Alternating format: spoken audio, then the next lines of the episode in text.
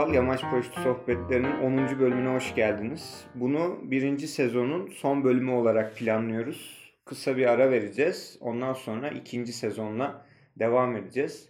Şimdiye kadar aldığımız geri dönüşler, eleştiriler, düzenlemelerle ikinci sezonda biraz daha farklı bir formatta Yamaç Paraşütü Sohbetleri devam edecek. Bu ilk sezonun son bölümünde konumuz Serdar Tur. Bölümümüzün adı da Serdar Tur ile önden basmak. Serdar hoş geldin. Hoş bulduk Dora. Nasılsın? Nasıl gidiyor? İyiyiz. Ee, uğraşıyoruz bildiğin gibi. Sezon bitti. Kış kış, moduna geçildi. Kış moduna girdik aynen. Şimdi aslında seninle tabii ki yarışmalardan bahsedeceğiz genel olarak ama önce bir standart giriş yapalım. Yamaç paraşütüyle olan ilişkin nasıl başladı? 2008 yılında başladım bu spora. Ee, Gazi Üniversitesi'ne girdiğim zaman e, hazırlıkta tanıştım ilk sporla. Ee, Aslında hiç duymamıştım. Yani biliyordum ama hiç görmemiştim yamaç paraşütünü.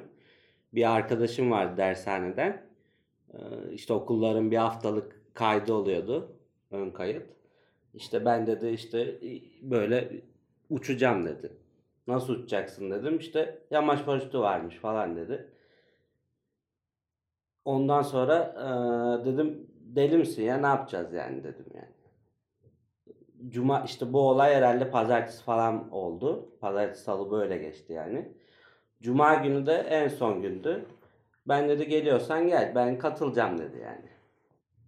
E o zaman bir gidelim falan dedik. İşte standartlar kapanmıştı yani. Ee, ana kampüse gittik. Murat Çiftçi vardı. Biz işte akıllardaki soruları sorduk. İşte benim aklımda hala ama uçaktan atlayacağız var yani. İşte ya açılmazsa ne olur falan diyoruz böyle. İşte Murat diyor işte şey e, yedek paraşüt var falan diyor. Benim aklımda hala böyle paraşüt geliyor aklıma. Sonra cumartesi pazar dersler oldu. Derslere bir gittik. Yamaç paraşütü yani. Daha sonra hazırlığın verdiği şeyle işte zaten üniversiteli üniversite yeni başlamışız yani. Dersleri falan çok dinlemedik. O zaman da eğitmenimiz işte Umut Aslanlar falan vardı. Bizi böyle mimlemişler. 5 kişiydik. Bunlar hazırlık tayfa, çakal tayfa diye mimlemişler bizi böyle. Ee, Bunları sınavda geçirmeyelim demişler herhalde. Sonradan öğreniyorum ben. Ee, Çarşamba günü de sınav oluyordu. Biz böyle beşimiz yan yana dizildik böyle sınava gireceğiz falan. Siz hepiniz kalkın bizi böyle hepimizi ayrı sınıflara koydular falan böyle. Mimlemişler kopya çeker bunlar falan diye. Daha sonra sınavı geçtik. Ee, Zaten hazırlık olmamızın avantajını da kullandık orada. Her hafta sonu e, uçuşa gittik. Ee, Bayağı hoşuma gitti yani ilk uçuştan sonra. Daha sonra e, ilerlemeye başladık. İşte kulüp pilotluğu aşamasına geldik. Üniversitelerde böyle oluyor. İşte eğitmenimiz zaten yama- yamaç paraşütü sporcusuydu yani yarışma pilotuydu Umut Aslan. Ee, Ona böyle özeniyorduk yani. İşte böyle uçuyorum. Hep onun anılarını dinliyorduk. Bizi, benim de yani şeyim e, oluyordu yani hevesim oluyordu. Acaba bir gün ben de yarışma uçar mıyım falan diye bir hevesim oluyordu yani. Kulüp pilotlu aşamasından sonra SIV'ye gittik o aşamada. İkinci senen mi? İkinci senemde. Ee, SIV'de böyle bayağı heyecanlandım zaten. İlk böyle kapanmaları falan yaptığımda. Neyse onu atlattık. Ayaş, Ayaş o zaman yeni yeni. Daha birinci yılıydı. İşte götürdüler bizi. İlk termiklerinize döneceksiniz falan. Orada da mesela bir varyo verdiler bana. Mesela sesini açmasını bilmiyorum ama kucağımda var. Bacağımda takılı bir varyo. Hiç unutmuyorum yani iki saat uçmuştum o gün. Biraz komutla basit havaydı. Ama gene tepe artı irtifam falan yapmıştım. Ee, bayağı hoşuma gitmişti yani orada. Termik uçmak falan. Ee, Gene böyle umutların gazıyla e, yarışmalara katılmaya başladık bir sene sonra. Üçüncü senem oluyor artık. Orada da tabii hiçbir şey yapamadık. Yani beklenildiği gibi olmadı. Hangi kanatta uçuyordun? İlk yarışmamı Delta 1 vardı. DRV2. Onunla uçuyorduk. Ee, O zamanki uçuş pampam vardı. İşte Can Tekin Çimen. Ee, Eskiler biliyordur. Can Tekin'le böyle beraber geliştik zaten. O biraz benden daha iyiydi yani yarışmalarda. Ben o sene hiç gol yapamamıştım mesela. Onun böyle bir iki tane golü falan vardı. Aynı kanat tutuyorduk. O sene öyle bitti. İki yarışmaya gittik yanılmıyorsam. Denizli'ye gitmiştik. Bir Kayseri'ye gitmiştik. Kayseri'nin bir tanesi hatta Vint'te olmuştuk yani. Daha sonra ertesi sene o sene ben çok uçtum tabii. Ertesi sene 2-3 Kanada geçtim. ND Kanada geçtim. İlk golümü orada yaptım yani o kanatla yaptım. Kayseri'de. Böyle onu dün gibi hatırlıyorum yani muzolar falan vardı, yiğitler vardı. Böyle ben daha yeniyim aralarında. Adamlar böyle yarışma kanadıyla falan uçuyordu yani. İlk golümde işte birinci yanlış hatırlamıyorsam Murat girmişti. Daha sonra işte çevremde böyle gole yakın bir sürü kişi görüyorum falan. Ben sanıyorum ki şey e, gole indim. Bayağı gerilerde indim falan sanıyorum öyle. Can Tekin de indi arkamdan böyle. İşte gol hakemi dedi ki işte ben seviniyorum abi gol yaptım falan. Dedi deli misin ya ikinci girdin yani. Nasıl şaşırıyorsun? İlk golüm böyle olmuştu. Yani Can Tekin de üçüncü olmuştu. O zaman Muzo bayağı şey yapmıştı yani. Desteklemişti yani. İyi bir pilot olacaksın falan diye. Onu hiç unutmam mesela. Ee, ilk golümü o zaman yaptım yani. Kayseri benim için özeldir o yüzden. Değişik bir hava vardı zaten o zaman. Daha sonra 2-3 kanatlı da bayağı uçtum o yıl. İlk crosslarımı falan da yaptım. Uzun crosslar yaptım yani o kanatla. 100-110 saat falan uçmuştum o sezon yani. Ama hiç bırakmadım yani. Nerede uçuş? O zaman XC Ateşi grubu vardı. Nerede uçuş var? İşte Denizli. Denizli'ye gidiyordum. Nerede uçuş var? Eskişehir. Oraya gidiyordum falan. Daha sonra yarışma kadına geçelim dedik. Icepeak 6'yı aldım. O kanatla da güzel şeyler yaptım yani. Ee, yavaş yavaş öğrenmeye başladım yarışmayı. Güzel dedim kendimce yani. Sonuca baktığımız zaman hani gole gidiyordum ama biraz daha geriden gidiyordum falan. Ee, ama olayları artık anlamaya başlamıştım yani. Tabi o zamanki mantığımla şimdiki mantığım farklı. Yani o zaman şöyleyim.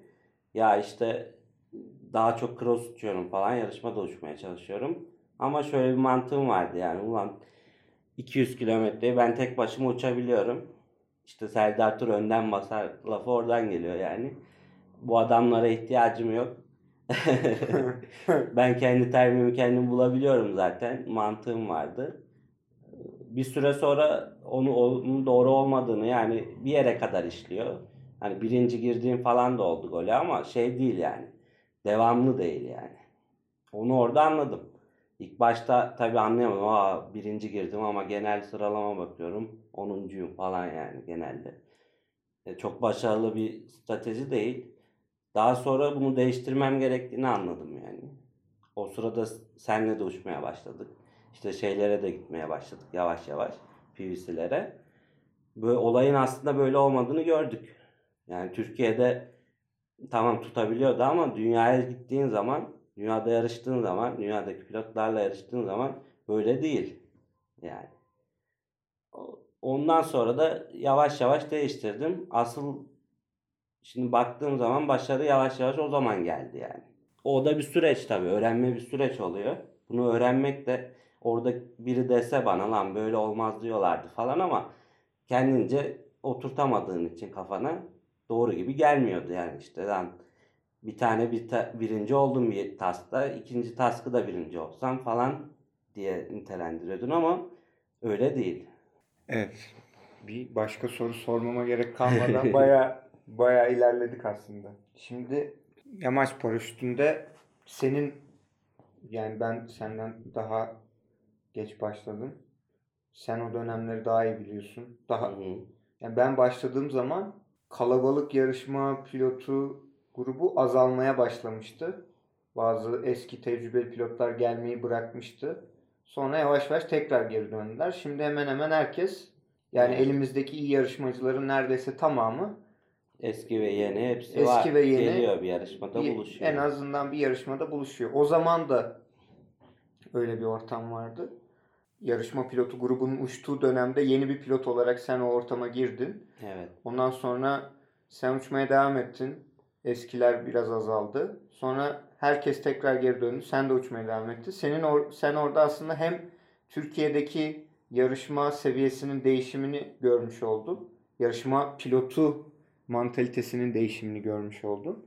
Hem de kendin o sırada kendi kendine öğrenmeye de devam etmiş oldun. O zamandan bu zamana nasıl değişiklikler oldu sence? Hem Türkiye'deki yarışmaları hem de uluslararası yarışmaları düşündüğün zaman. O zaman mesela şöyle e, bir şey vardı. Muzo diyoruz mesela. Türkiye'deki pilotlara speed basmayı öğreten adam falan gibi diyoruz. E, sadece ben o zaman e, şeydeyken, DR2 ile uçarken Denizli'de işte Muzo diye bir adam var. Yurt dışında yaşıyor. İşte forumlara yazıyor, görüyorum falan. E, Türkiye'ye geldi. İşte ende bir kanadı var.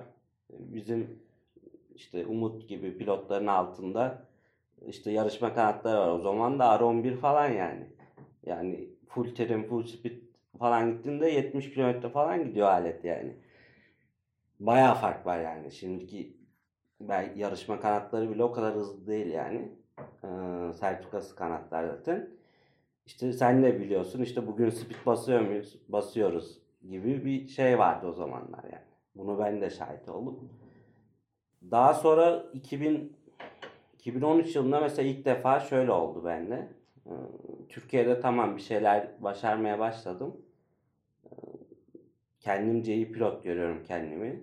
Ee, ama mesela 2013 yılındaydı. Türk Hava Kurumu bir telefonuyla işte dediler ki Avrupa Şampiyonu'na gideceksin. Şu tarihlerde boş musun diyor. 5 ay önceden işte boşum.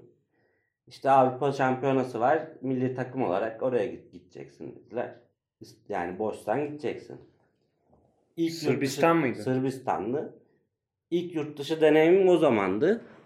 Oraya gittim tabi bu, bu kafayla gitmedim oraya. Yani orada or dünyaya ilk defa açılmışım. İşte işte geçeriz, ederiz, yaparız. İşte ben biliyorum, ben ediyorum falan. Orada uçmaya başladık böyle yarışmalarda. İşte kazına ya öyle değil. Gerçekte olan öyle değil yani. E, herkes zaten ben şok oldum. Yani Türkiye'de baktığın zaman atıyorum 20 kişiyle yarışıyor gibisin. O zaman belki daha az. Ama orada baktığın zaman herkes senin sen, sen en az senin kadar uçuyor yani. Böyle bir bocaladım yani. Ulan neredeyiz falan dedim böyle. Zaten çok başarılı bir yarışmada olmadı benim açımdan. Bir şeyler yapmaya çalışıyorum ama yani bu sefer gole gitmektense tempoyu toplayamıyorum gibi bir şey oluyor yani. Çünkü adamlar hızlı hem hem de şey yani aslında öyle bir yarış yok yani ortada. İlk yurt dışı deneyimim oydu. Ee, bunu tabi kendimde değiştirmek de bir 2-3 yıla aldı tabi. Yani bu, bu şeyi oturtmam zor oldu. En büyük benim gördüğüm oydu yani. Fark. Kendi açımdan.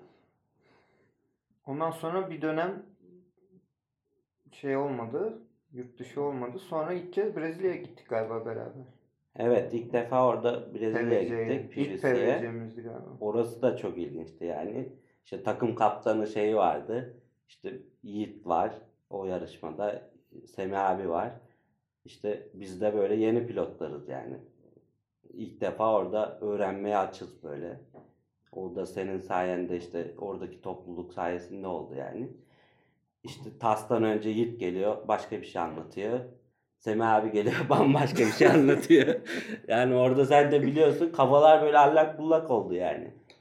Garip duygulara büründük. Sen yani. sürekli insanların ağzına bakıyorsun. Bir şey söyleyecekler ve hemen onu öğreneceğiz diye. Murat abi diyor ki işte termin üstünde bekleyin abi diyor. Bekle, beklemeyi düşünüyorsun. Semih abi geliyor işte beklemeyin eğer en yukarıya Aynen, çıktıysanız Murat basın gidin diyor. Yiğit izleyin diyor filan. Herkes kendince Yiğit biraz bir geriden diyor. Semih abi önden diyor. Farklı diyor. Murat Murat abi bambaşka bir şey diyor. Hakikaten zorlandık yani biz de değil mi orada? Evet çok çok uçmuştuk. Ne yapacağımızı Her gün uçmuştuk galiba. Her gün de gole gitmiştik yani. Bir şey belki bir gün, bir gole, gole yakın evet. şey yaptık galiba patladık. O onun dışında gole gittik. Gole gidiyoruz ama yani geç gidiyoruz. Bir de iyi, iyi tasklar da uçtuğumuz oluyor ama şeyi böyle tam kafamızda oturtamamıştık. O zamanı hatırlıyorum yani işte mesela hani yeni jenerasyon sayabileceğimiz işte sen ben, Oğuzkan, Merve, Umut yetiştiren Umut yetiştiren. Ee, biz biz böyle daha kafamızda bir şeyleri oturtamıyoruz. Eğleniyoruz. Bir şeyler de öğrenmeye devam ediyoruz ama bilgiler böyle çok bölük pörçük. Evet. Tecrübelerim yani herkes birbirine anlatıyor. Nasıldı sence? Bence böyleydi filan ama Akşamları konuşuyorduk aynen. sırf böyle şey gibiydi yani. Böyle keş, keşif gibiydi. Çok eğlenceliydi aslında ama yani milli takım düzeyinde yarışma böyle öğrenilmemeli mesela. Şu anda sıfırdan milli takıma gelecek bir kişi böyle öğrenmez. Çok daha ya- yapısal Aynen. bilgilerimiz var aslında. Kendi kafamız daha net. Bu da senin başta söylediğin şeyi düşündürüyor bana işte. Yani ne diyebiliriz onun adına? ya? oyunun oyunu anlamak, oyunun nasıl olduğunu anlamak. Yani bu böyle yani hızlı uçmanın full speed'e basmakla bir alakası yok. Evet bu tecrübe zaten yani o zaman işte duyuyoruz işte yarışma temposu işte hızlı mı gidilecek yavaş mı gidilecek falan. E bizde öyle kavramlar yok o zamanlar yani. Evet. Daha sonradan yarışma uça uça bunda en büyük şey yani World Cup'larda uça uça şey yaptık yani. Evet bugün hızlı bir gün. Tempo hızlı başladı, hızlı devam etti. Veya işte tempo yavaş başladı, sonradan hızlandı gibi. Yani bu aslında şey değil. Tam olarak speed de değil yani. Evet. Termiği ne kadar döneceğin, nereye kadar çıkacağın, speed, speed'e ne kadar basacağın, nerede çekeceğin gibi tempolar var yani. Bunu öğrenmemiz zaman aldı. Şimdi baktığımız zaman Türkiye'de de uygulanıyor yani. Evet. Ee, World Cup'lardan öğrenip burada da uygulayan bir sürü pilot var. Çoğaldık yani. Evet. Yarışmaya tempo kazandırıp yarışmanın şeklini, günün şeklini tamamen değiştirebilen en az 4-5 kişi var Evet. Türkiye'de. Ee, o da gerçekten tecrübeyle gelen bir şey. Çünkü şey olmuyor. Yani sadece hisle uçmuyorsun. İlla ki biraz hesap da yapmak gerekiyor. İşte yani hesaptan kastım böyle acayip matematik formüllerini düşünmüyorsun kafanda ama günün ortalaması ne mesela? Evet. O gün o ana kadar 3 saat 2 saattir havadasın diyelim. Kalkıştan itibaren startın da içinde geçtiği zaman diliminde 2 saattir havadasın ve o günün ortalaması ikilik 2 üçlük termikler sürekli. Bu durumda sen eğer biri gördüysen onu dönmemeyi zaman içerisinde öğreniyorsun. Evet. Yani garanticiliği çıkartmayı zaman içinde kaybediyorsun. Evet ya da mesela 2-3 2-3 ama havanın hızlandığını fark ediyorsun. Artık havada bir değişiklik olmaya başlıyor. Hep 2-2-2-2 dönüyorken termikleri artık 3 filan oluyor. Arada bir dörtlüyor filan termiğin koruna girdiğinde anlıyorsun ki hava biraz kuvvetlendi. Bir şeyler değişmeye başladı. Bu sefer 2-3'ü bırakıp önden çıkıp 4'ü 5'i bulmaya gidiyorsun. Zaten bir 4'ü 5'i bulduğun zaman gruptan ayrı grup seni takip etmiş oluyor. Ve orada bir şey oluşmaya başlıyor. Yani böyle parça parça gidebiliriz belki. Ben önce şeyden bahsetmek istiyorum. Bunu biraz şey gibi düşünelim bu bölümü. Ee, tecrübe aktarımı Hı hı. gibi düşünelim. Hem anılar daha böyle tek tek yarışma anıları filan gibi. Ee, çünkü yani neredeyse her yarışmayı birlikte uçtuk yani. Evet, aslında hep konuştuğumuz şeyler yani. Ee, o yüzden böyle hani nerede başladın, nasıl gittiden ziyade biraz daha farklı bir bölüm olsun. Hem de öğretici olur o, o Hı. açıdan.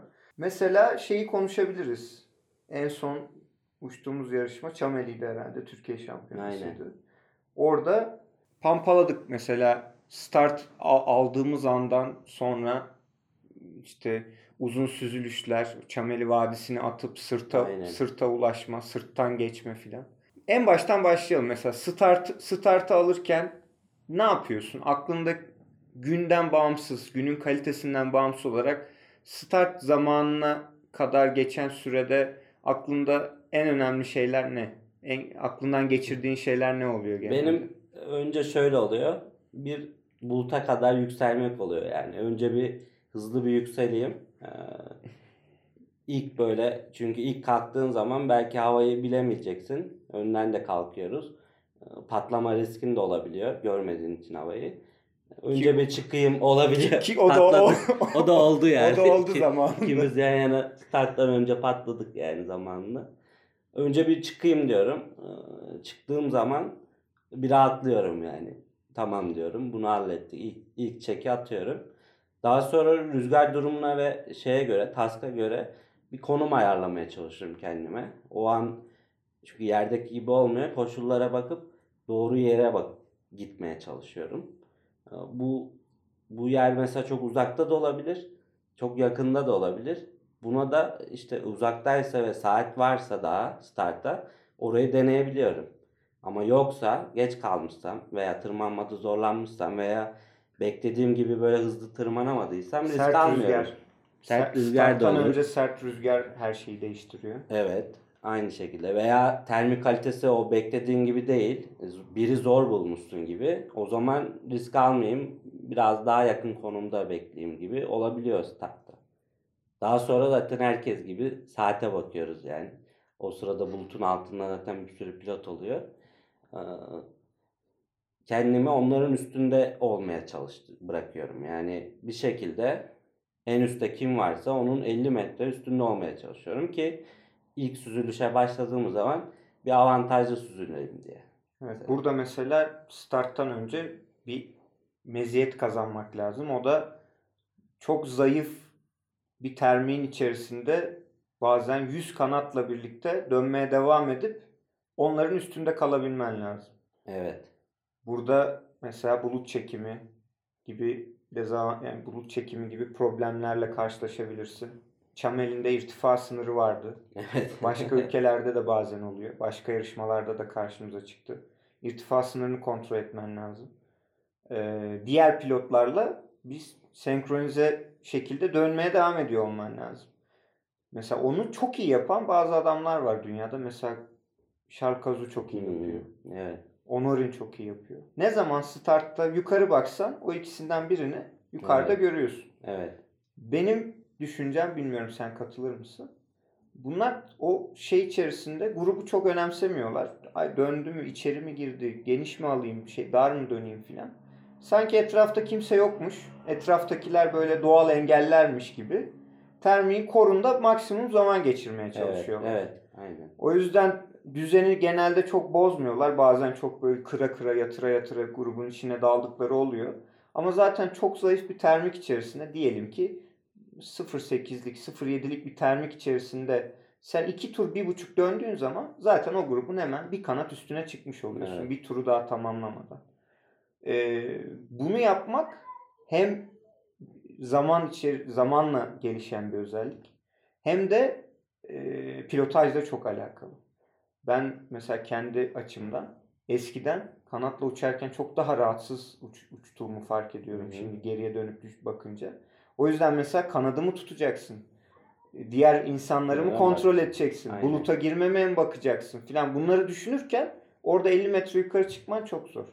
E, ve uzun bir süzülüşle başlayacağım bir start olduğunu varsayalım. Çamelindekine benzer Hı. şekilde. İnsanların 150 metre altından başlaman demek bir sonraki termiğe yani 5 5 kilometre 10 kilometre ötedeki termiğe bazen 400-500 metre aşağıda girmen Evet. demek. Süzülüşte çünkü aşağıdaki daha kötü süzülecek diye varsayarsak. Ee, ya da işte hattı bulamadığını varsayarsak. O yüzden mesela iyi start almak iyi start almayı öğrenmek gerçekten en önemli e, yani en çok zaman harcanması gereken şeylerden bir tanesi. Çünkü yarışmaya 1-0 önde başlıyorsun. Yani kötü bir start aldığında ön grup zaten gidiyor. Sen zaten bir yerde tırmanmak zorundasın. Moralin de bozuluyor. 1-0 dediğim gibi yenik başlıyorsun. E, bir, bir şeylerde daha doğru veya daha şanslı olman lazım ki o gruba hem yetiş hem de aynı irtifada yetiş yani. Bir de o var. Ya, üstünden yetiş. Evet. Yani alttan yetişmek de yetmeyecek çünkü. O- yüzden iyi start bazen mesela gün boyu yakalayamıyorsun ve sonucunu direkt etkiliyor yani. Sadece starttaki, Starttaki 100 hata- metrelik irtifa farkı değil mi? Evet yani starttaki tek hata oradaki 100-200 metrelik alçak olman kalanında belki sana göre doğru yapıyorsun ama sonuca geldiğin zaman 80. gole giriyorsun gibi bir şey oluyor. Hiç yetişemiyorsun. Tempo çok hızlı oluyor. O Evet, mesela. özellikle hızlı günlerde hata yapma şansın neredeyse hiç kalmıyor. Evet. Startta o hatayı yapınca bu sefer bütün gün Bütün gün gidiyor. bütün Gene gün temponun- geriden kovalaman gerekiyor. Aynen. Temponun böyle yükselip düştüğü günlerde gene yakalama şansın oluyor ama Evet. iyi hızlı bir tempola başlarsa ve de öyle devam ederse çok zor yani. Evet. Startta bir de şöyle bir durum olabilir. Şu saydıklarımız dışında. Birden fazla start grubu oluşabilir. Ha, evet. O da o da çok ilginç. Orada artık tecrübenin yanında bir de şans faktörü devreye giriyor. Çünkü mesela 4 gün arka arkaya e, aynı yerde start alınmış ve o start alınan bölge iyi çalışmış. Sen yine otomatik olarak oraya gidiyorsun, gidiyorsun. aynen. Kafan orada. Oraya gidiyorsun. Kalabalık grup da orada. Ama çok daha yakın e, start silindirine çok daha yakın bir noktada ufak bir grup oluşuyor. Ve ufak grup çok daha iyi tırmanıyor. Çok daha yukarıda başlıyor. Ve çok daha yakın başlıyor ilk turn point'e.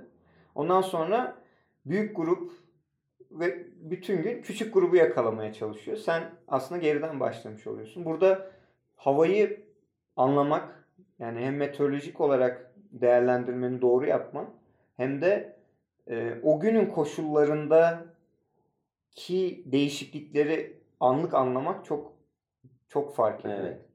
Ama yine de bir şans faktörü var tabii. Hiç bazen hiç beklemediğin Evet. şeyler oluyor. Mesela son gittiğimiz Brezilya'da olmuştu hatırlarsın. Orada hani tep şeyden Pico de Gavia'dan Hı hı. kalkıp eee, işte sırt boyunca beklediğimiz zaman çok fazla tırmanamıyorduk. Evet. Özellikle açığa gitmemiz gerekiyordu.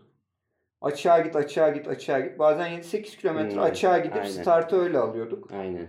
E şimdi 7-8 kilometre açığa gittik mesela bir gün. Gittik, bekledik, bekledik. Bu sefer geç kalkanlar yetişemediler bizim oraya gelmemize. Arkada Ama bu sefer grup. Arkadaki grubun olduğu yer yükseldi. Biz ovanın içinde bekledik. kaldı. Ve bütün Evet. gün aslında çok da hızlı uçmamıza rağmen bütün gün adamların gerisinden gittik.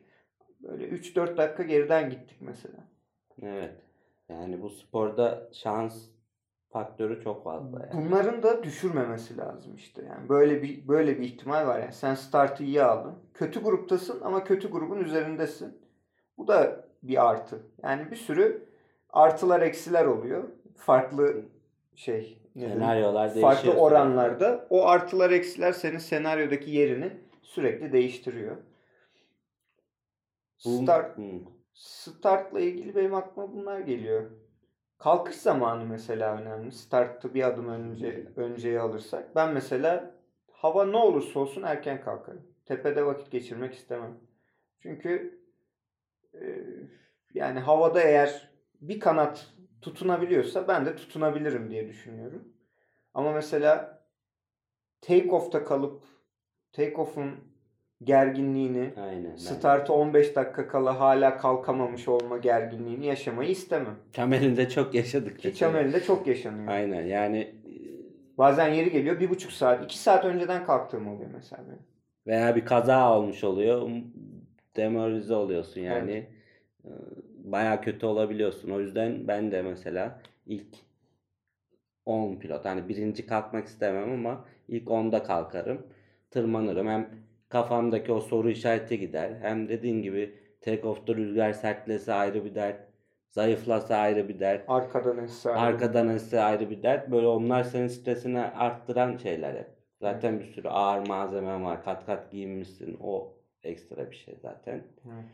Ama e, o stres kalkayım artık havada rahatlayayım moduna geçiyorsun yani. Evet. Bazen şey oluyor. Erken kalkıyorsun ama mesela kalktığın yerle bulut tabanı arasında çok fazla irtifa farkı yok. Mesela 300 metre tırmanıyorsun. O zaman insanların rahatlaması lazım aslında ama rahatlamıyorlar. Sürekli daha kuvvetli Hmm, tırmanmaya aynen. çalışıyorlar. Sürekli daha kuvvetli. Onu da yapmamak lazım bir yandan. Çünkü zaten 300 metre tırmanıyorsun. Etrafta ondan daha fazla tırmanan birisi yok ya da bulut tabanı zaten gözünle de görüyorsun. O zaman yavaş yavaş tırmanmakta bir sorun yok yani. Yavaş yavaş tırman, bekle, bir daha tırman, bekle. Yani bu hmm, starta gelinceye kadar ki sakinliği korumak bence çok önemli bir faktör. Yarışmaya öyle başlamak O yüzden kalkış zamanı stresinin olmaması. Yani rahatça kalkıp kendi başına biraz uçup insanların yavaş yavaş gelmesini beklemek o kolaylaştırıyor ama tam tersi pilotlar da var yani. Starta 10 dakika kala. Zaten Evet. 3 kilometre ötede diyor. Hemen tırmanırım diyor. Malzemesini bile açmıyor. yani. Malzemesini bile açmıyor. Evet. Bazen kalkamıyor mesela yani. Böyle durumlar da oluyor.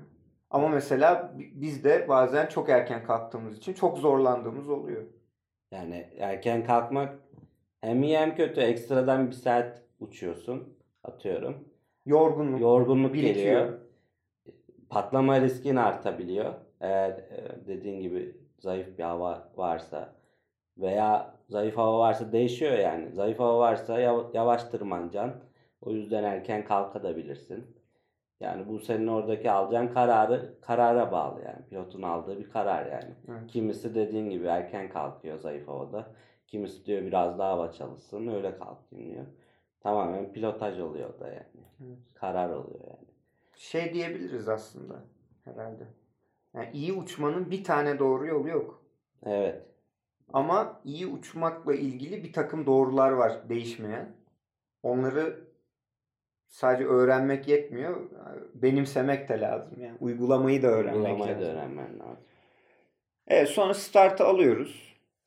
Startı planladığımız gibi, düşündüğümüz gibi yüksekte ve sorunsuz bir şekilde aldığımızı varsayarsak yarışmaya ıı, herhangi bir müsabakaymış gibi 0-0'la başlamış oluyoruz. Aynı. Herkese aynı koşullar oluyor hemen hemen. Çok nadir olsun, nadir de olsa 1-0 önde başladığın şeyler oluyor. Mesela uzak starta risk alarak Evet. Yarışmacılar daha kalkmadan önce sen uzun uzun uçup 15 kilometre uçup büyük silindirde Rüzgarı hemen arkaya rüzgarı alıp- arkaya alıp gidebiliyorsun. Çok nadir de olsa bu böyle bir sıfır başladığın oluyor ama 0-0 iyi bir start başlangıcı Evet. aslında. Aynen. Geriye düşmektense yani dediğin gibi 0-0 gayet iyi bir skor. Ya da diyelim ki 50 metre aşağıdasın ama yani süzülüşe hemen hemen aynı yerde başladınız. Burada da önemli bir şey aslında oluyor. Bir sonraki termiye süzülür, süzülürken geçen sürede irtifayı korumak. Ona da işte hat takibi Hatta diyoruz. gibi, Evet. Hat takibini nasıl yapıyoruz? Bence öğre- öğrenmesi en zor şey bu zaten. Öğrenmesi en zor şey bu bence de. Ee, Daha önce hani bu kadar önemli olduğunu ben çok görmemiştim yani şeyde düşünmüyordum yani. İşte yan yana gidiyoruz işte gidiyoruz yani gibi geliyordu ama aslında öyle değil. Bu hep aramızda konuşuyoruz. Yarışma her zaman aslında hızda değil yani. Dikeyde yarışılıyor. Sen ne kadar az termik dönersen veya bastırıcılardan ne kadar az etkilenirsen hat takibini ne kadar iyi yaparsan o kadar senin avarajına geliyor yani. Hızın artıyor. Ee, o yönden hat takibi önemli. Ee, bunu da şöyle şöyle yapılır demek tamam yöntemleri var ama uygulaması çok zor yani. Evet. Ee, Ve tek başına mesela cross yapıyorsun bunu anlayamıyorsun yani. Sen hat takibi acaba doğru mu yapıyorsun yoksa yanlış mı yapıyorsun? Veya sen bir hattın içindesin sana göre iyi gibi geliyor. Halbuki 100 metre yanında bambaşka bir hat var. Evet. Ee, ve inanılmaz kaldırıyor olabilir. Ee, Evet. yarışmanın mesela kalabalık uçmanın en büyük avantajı bu oluyor. Yani Havayı görebiliyorsun. havayı görebiliyorsun.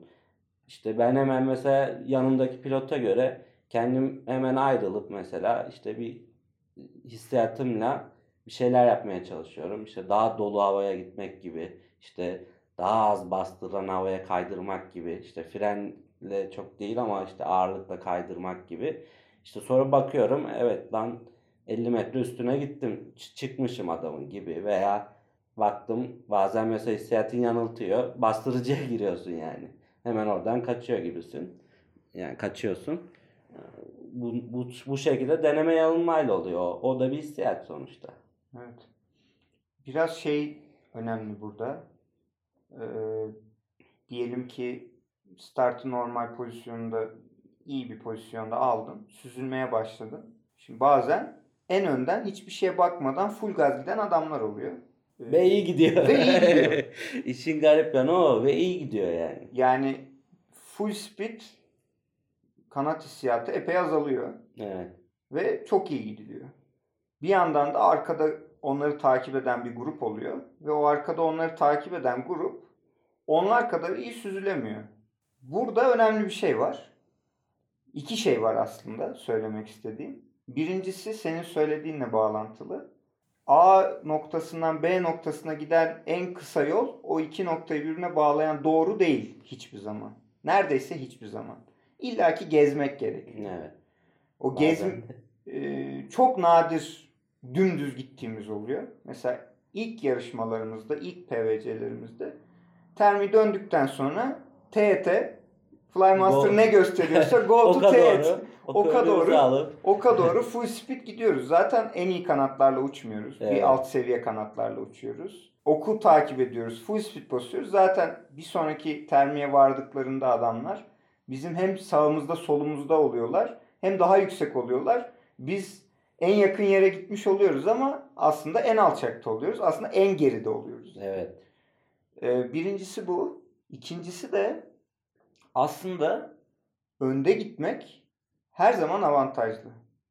Çünkü önden giden termiği buluyor Evet.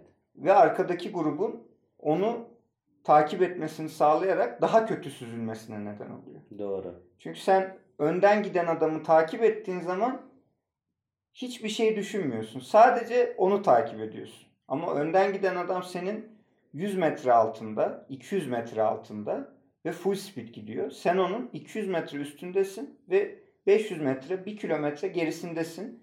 Senin uçtuğun havayla onun uçtuğu hava aynı değil. Geçtiğiniz yer yukarıdan aşağı doğru baktığında aynı. Kuş bakışı aynı yerden geçiyorsunuz.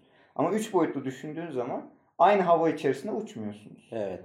Bazen çok fazla çökerek gidiyor olabilir önden giden. Ama yine de Pes etmiyor. yine de pes etmeyi iyi termiye, iyi termiye, iyi termiye gittiği zaman hele de çok alçak uçulmayan bir günse önden gitmek her zaman avantajlı. Ama mesela her zaman önden gidenlerde e, bunu yapamıyor. Mesela şimdi önden gitmemizle bundan 3 sene önce önden gitmemiz arasında farklar var. O zaman ne, neyi farklı yapıyorduk sence? Şimdi neyi farklı yapıyoruz? Ya o zamanki yani bir dediğin gibi kanat kanatlarımız daha düşük seviye. Gerçekten şimdi yarışma kanadı falan diyoruz ama hissiyatı iyi yani. O bir avantaj. Hem baloncuk termikleri iyi hissettiriyor hem böyle havayı böyle içine geziniyor gibi. O bir avantaj.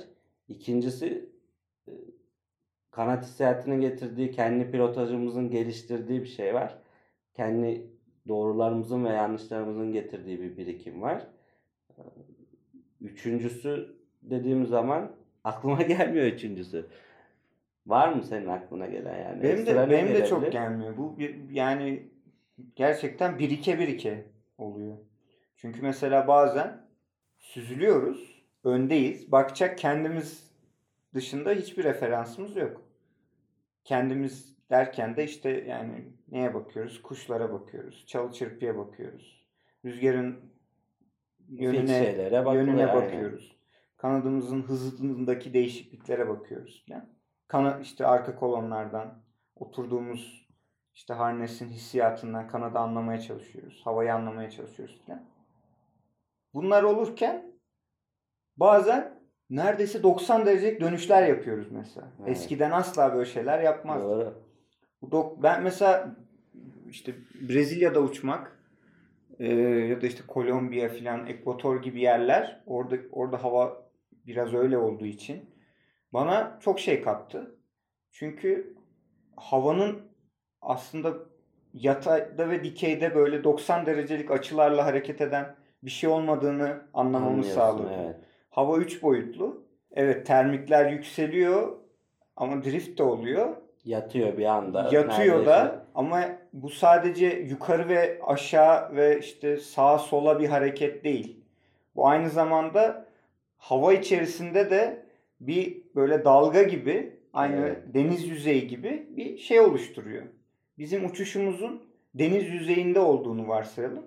Hava aslında deniz yüzeyi gibi hareket ediyor. Deniz yüzeyindeki dalgalar gibi hareket ediyor. Bazen dalgalar çok yükseliyor. İşte o termik zaten. Evet. Bazen işte çok alçalıyor. Sen oradan daha kuvvetli dalgaya, daha yükselen yere kaymaya çalışıyorsun. Çok alçaldığı zaman karaya oturuyorsun. Ona da patlamak diyoruz yani. Aynen. O yüzden mesela havayı hissetmek, e, havadaki bu dalga gibi hareketleri hissetmek çok önemli. Bazen mesela şöyle anlar oluyor. Gidiyorsun, gruptan ayrıldın, çıktın, daha iyi termeye gideceğini biliyorsun. Bunu nereden biliyorsun? İşte hissiyat, deneyim. Hissiyat. Biliyorsun ve gittikçe daha sa- sağlam bir bastırıcıya giriyorsun. Hep olur yani. Bırakamıyorsun da. Eksi 4, eksi 5, eksi 4, eksi 5, eksi 6 filan yani. Bırakamıyorsun. Mesela orada arka tarafı asla düşünmemen lazım. Evet. Sağı solu O- hiçbir şey düşünmemen lazım. Orada sen artık o kararı verdin. Ve iyi termeye gidiyorsun ki zaten eksi 4, eksi 5 çoğunlukla senin doğru kararı verdiğinin de göstergesi. Çünkü eğer iyi bir termeye gidiyorsan iyi bir bastırıcıdan geçme riski her zaman var. Var. O yüzden doğru kararı verdiğini düş- düşünüyor olman lazım onu yaparken. Full, full gaz gruptan ayrıldın. Gidiyorsun. Arkaya, Bastırıcının içindesin. Arkayı düşünmeyeceksin. arkaya bakarsan zaten direkt hattı değiştirmiş oluyorlar ve Evet. iyice moralim bozuluyor. Yani, Yani bu da biraz şey gibi yani kazıyorsun kazıyorsun kazıyorsun tam suyu bulacaksın vazgeçiyorsun yan tarafı kazmaya başlıyorsun. Zaten yan tarafı o kadar kazacak enerjin kalmamış oluyor. Aslında suya bir santim kalmışken pes küreyi- etmek de olmuyor. küreyi çekmiş oluyorsun filan. E şimdi Aynen. oraya girdiysen artık orada bastırıcıdan kaçmaya değil termiği bulmaya uçman lazım. Ama bir de bastırıcıdan kaçman gereken durumlar var. Mesela grupla süzülüyorsun. Grupla süzülürken grubun içerisindeki hareketlerden nerenin daha kuvvetli, nerenin daha zayıf olduğunu anlayabiliyorsun. İşte ikisinin arasındaki farkları yani böyle jenerik bilgi farkı gibi değil. Bastırıcıda speed basılır. Termikte yavaş uçulur filan gibi değil. Ama mesela böyle bir bastırıcıda ne yapılır? Grubun içerisindeki bastırıcıda süzülürken yaptığın bastırıcıda ne yapılırı ayırt etmek lazım. Ben mesela o konuda şeyimdir. Ee, Beraber uçtuğumuz kişiler bilir zaten. Bir grupla süzülüyorsam özellikle start zamanı veya şeyin ortasında falan yarışmanın bir sağa geçerim, bir sola geçerim. Bunu ben çok yaparım yani. Bir grubun sağına denerim, bir grubun solunu denerim falan. Hep grup grup çünkü süzüldüğü zaman sen de aynı süzüleceksin. Ama farklı bir şey yapmam gerekiyor ki grubun avantajına geçeyim. Bazen bu tabii ki de bastırıcı falan oluyor. 100 metre ondan kaçacağım diye 100 metre altlarına düşüyorum falan. Ama sağa sola oynatmak bazen de oluyor ki böyle bir bakıyorum adamlar çökmüş. Sen 100, aynı kalsan bile adamlar çökmüş yani 100 metre 150 metre bir süzülüşte fark atabiliyorsun yani. Bu da bu da denemek yani aslında deneyim de değil orada. Deniyorsun yani. Yerleşik bir algımız var. İki boyutlu hız al, hız fikrinden kaynaklı. Hız eşittir yol bölü zaman. Şimdi Evet. dengeyi böyle kuruyoruz kafamızda. İster istemez yarışmayı böyle anlamlandırmaya çalışıyoruz ama yarışmada kanatlar arasında yani en üst seviye kanatlarla uçulan bir Hı hı. ortamdan bahsedelim. Yarışma kanatlarıyla şu anki işte Enzo 3'ler, Boomerang 11'ler, yenileri de çıktı.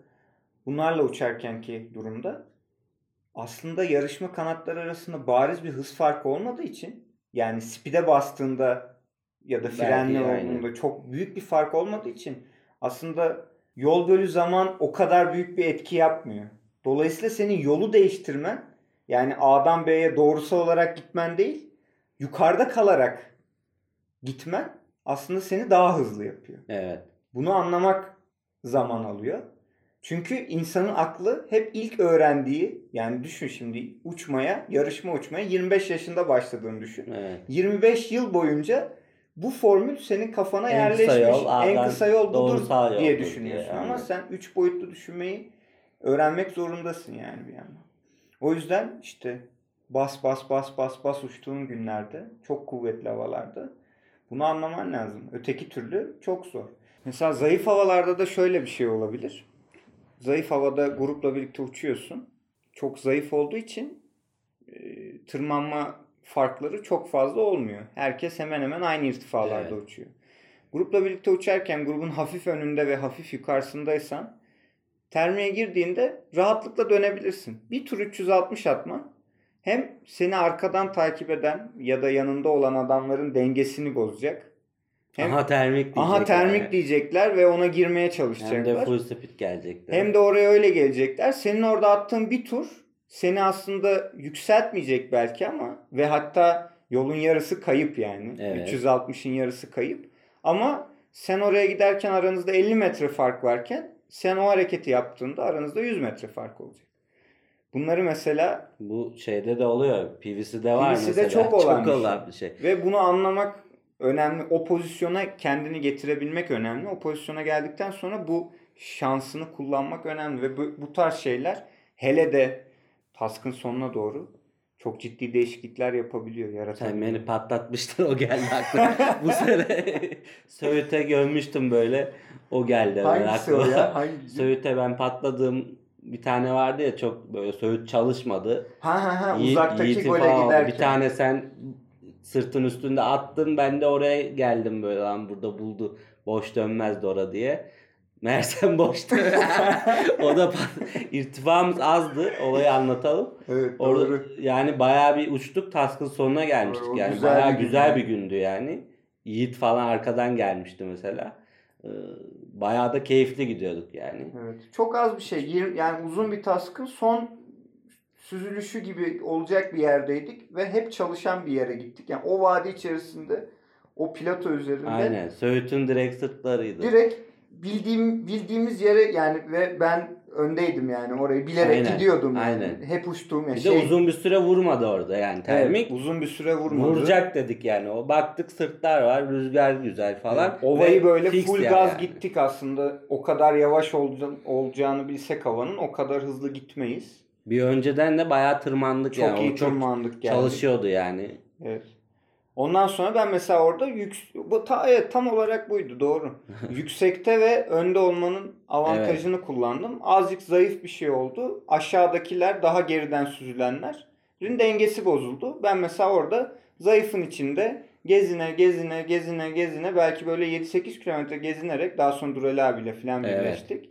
Ondan sonra oradan çıktık. Yani Beni oraya orada patlattın tabii. Ama mesela Ama evet. çok irtifa yoktu. Orada Ve orada durum öyle olmasa o yanlış bir hareket olurdu. Evet. Hızlı bir gün olsa benim orada onu yapmam mesela. altına ve- insan çektin sen. Altına pilot çektin bir kere. Evet. En büyük avantajı Senin oldu. gidip bir kilometre ötede kuvvetli termiği bulman mesela o gün sana tas kazandırır, bana kaybettirirdi. Evet.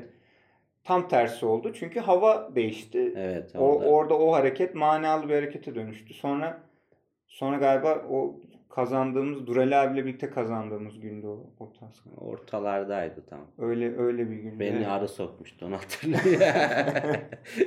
Arılar saldırmıştı bana. Evet. Bu Çok PVC'de oluyor ama yani bu çok yapıyorlar. Mesela önden çıktım ve grup arkada termiğe yapıştıysa o da oluyor. Öndeki böyle bir şeyler hafif buluyor ve bir tur atıyor mesela. Sen de zaten böyle full speed geldiğin için o yükseliyormuşsun gibi geliyor. Ve adam böyle kendine hem altına pilot çekiyor. Hem de böyle şey grubu hızlandırıyor aslında. Yani orada bir şey yok. Daha tecrübeli pilotlar yapıyor genelde onu. Orada bir şey yok gelin yani. Çünkü arkadan bir grup daha geliyor. evet. O da var yani. tekil tekil bir sürü uçan insan değil de sanki böyle bir organizmanın parçasıymış. Evet. Böyle bir bakteri nasıl suyun şeyin içinde lab- laboratuvarda böyle e, şeyin mikroskoptan incelersin ya bakterinin hareketlerini böyle Aynen. bakteri genişler, daralır, küçülür, şekil değiştirir, uzar, kısalır filan. Üst seviye yarışma uçuşu o bakterinin o şekline benziyor yani. Tekil Arada tekil karar veren oluyor. tekil tekil karar veren bir sürü şey yok. Ama hepsinin kararı ortak bir hareketi getiriyor. Zaten o tek bir organizma gibi hareket ediyormuş gibi gördüğümüz şey yamaç paraşütüyle yapılabilecek en hızlı uçuş. Hı hı. Eğer o organizmaya dönüşüyorsa Gaggle zaten daha hızlı hiç kimse uçamaz Evet. neredeyse. Bu böyle. Bu, bu durum değişmez yani.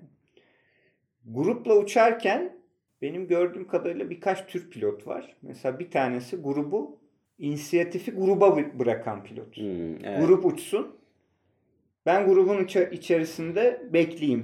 pilotu. Karar almayan Genelde- Genelde uygulayan. karar almayan ya da şey diyebiliriz yani karar tabii ki alıyordur da yani en böyle grubu hızlandıracak böyle e, Hmm. kırılma noktası karar noktasındaki kararları almayan Almayan doğru.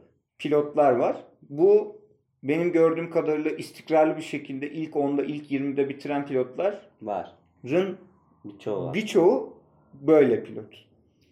Ama mesela bir de istikrarlı bir şekilde sık sık kürsüye çıkan, sık sık ilk 5'te bitiren pilotlar var. Bunların bence özelliği düzeni bozarak uçuyorlar. Hı hı. Yani grubu kendilerine uyduruyorlar. Bu da kolay bir şey değil. Bu nasıl oluyor? Yani bunu nasıl öğrenir insanlar? Düzeni nasıl bozuyoruz yani? Düzeni bozarak nasıl uçuyoruz? Yani şöyle sabırsızlık olabilir yani. Bu mesela dönüyorsun ben bu pilotlara biraz daha fark atmam gerekiyor deyip mesela önden çıkabilir. Umut Aslan gibi mesela. Evet, ha doğru Umut Tam, Aslan. tam örneği Umut Aslan yani. Ama aldığı karar mesela doğru mu yanlış mı o an tutabiliyor tutmaya da biliyor. Aslında riskli bir uçuş yapıyor. Ama tutarsa da bir anda beklenmedik yerde grubun en, en önünden bir yerden çıkabilip ve işte birinci falan girebiliyor. Evet. Ama bu tabii task'ın neresinde yapacağın da önemli aslında. Bu sürekli bir başarı getirmiyor bu tarz bir uçuş. Ben de eskiden mesela öyleydim yani. Evet, tam bununla bundan bahsedecektim. Bunun yapıldığı do- doğru yapıldığı yerler var aslında. Zamanlaması önemli. bunun. Zamanlaması önemli. Yani yarışmayı kazanmak istiyorsan grubun düzenini bozman lazım. Bu bir çoğunlukla her zaman değil. Çünkü bazı yarışmalar oluyor. Birbirine aynısı günler, Hı hı. sıradan e, ortalama uçuşlar ve istikrarlı bir şekilde hata yapmazsan yarışmayı bile kazanabiliyorsun. 1 puan, 5 puan farkla. Ama çoğunlukla yarışmayı kazananların ekstra bir hareket yapması lazım. İşte de- düzeni bozmak dediğim şey biraz o. Düzeni her defasında bozmaya çalışırsan zaten olmuyor. Olmuyor. Do- doğru günde mesela doğru hamle yapman lazım. Mesela bazen oluyor PVC'de. Adam en başından beri işte mesela ya sen bunu çok yapar yani. Evet, onun onun tarzı tamamen buna yönelik. Yani tamam ve hissiyat çok çok iyi yani. Evet. Bir şekilde böyle güçlü termi çak diye bulup çak diye oturtabiliyor yani. O bizde bizde şu an yok. Belki ileride olur inşallah diyelim. Evet. Ama yani o o mesela onun kazanması bir tesadüf olmuyor aslında. Çünkü hem grubu hem sürükleyen kişi oluyor hem kendince daha riskli uçuyor. Patladığı da çoktur mesela yani. Tabii yani yarışmayı ya Ya iyi uçuyor ya ilk 5'te bitiriyor ya, Ya da- yüzüncü bitiriyor. ya da mesela. patla patladığı çok oluyor. Çünkü En çok tas kazanan pilotlardan bir tanesi dünyada. Ee, ama en çok yarışma kazananlardan birisi değildir. Ama, ama yarışma ortalamaya göre iyidir ortalamaya yani. göre en yükseklerden biridir yine ama üst seviye pilotlar arasında en kötü yarışma Evet. to- toplamda kümülatif en fazla kötü yarışma sıralamasına sahip olanlardan da biridir. Yani stabilite yok çünkü. Bir dediğin gibi yarışmayı ilk 5'in içinde bitiriyor. Ama bir bakıyorsun böyle ilk 50'de, ilk 100'de bitirdiği de oluyor. İşte o yüzden yani stabil değil yani. Evet. Ama de- bazı insanlar da hep, hep ilk 10'da bitiriyor. Yani hangi yarışmaya giderse gitsin, nerede uçarsa uçsun ilk 10'da oluyor mesela. İstikrar var, bir şeyler birinci de olamıyor, ilk 3'e de giremiyor ama hep ilk 10'da yani. Düzeni bozmak bir de grubun dağıldığı zamanlarda çok işe yarıyor. Mesela aklıma bunu söylerken geldi. Çamel'indeki e, işte senin gole gidip benim Hmm. geldiğim gün mesela Hmm. daha sonra. O gün başka gol olmamıştı galiba. O gün evet ikimiz girmiştik sadece göre. Ben sanıyorum ben dedim birinciyim falan. Dora geldi bir yarım saat sonra. Ya ben önümde kimse yok sanıyorum falan diye. Evet, Ama çünkü- değişik bir gündü. Çünkü grupla uçtuk uçtuk uçtuk hava hava patladı, rüzgar arttı, dağın arkasında kaldık, Platon'un Evet. orada, Çamel'in orada. Orada grup birlikte kalıp e, hayatta kalmaya çalıştı. Farklı zamanlarda ikimiz de gruptan ayrı Bir şekilde ayrıldık. Aykırı gruptan ayrıldık. yaptık. Bu, yapı, yani grubun yapmayı tercih etmediği şeyler yaptık. Sonradan takip etmeye çalışanlar oldu ama sonra şey yapamadılar. Hava da şey oldu. Hava da değişti. hava da değişti.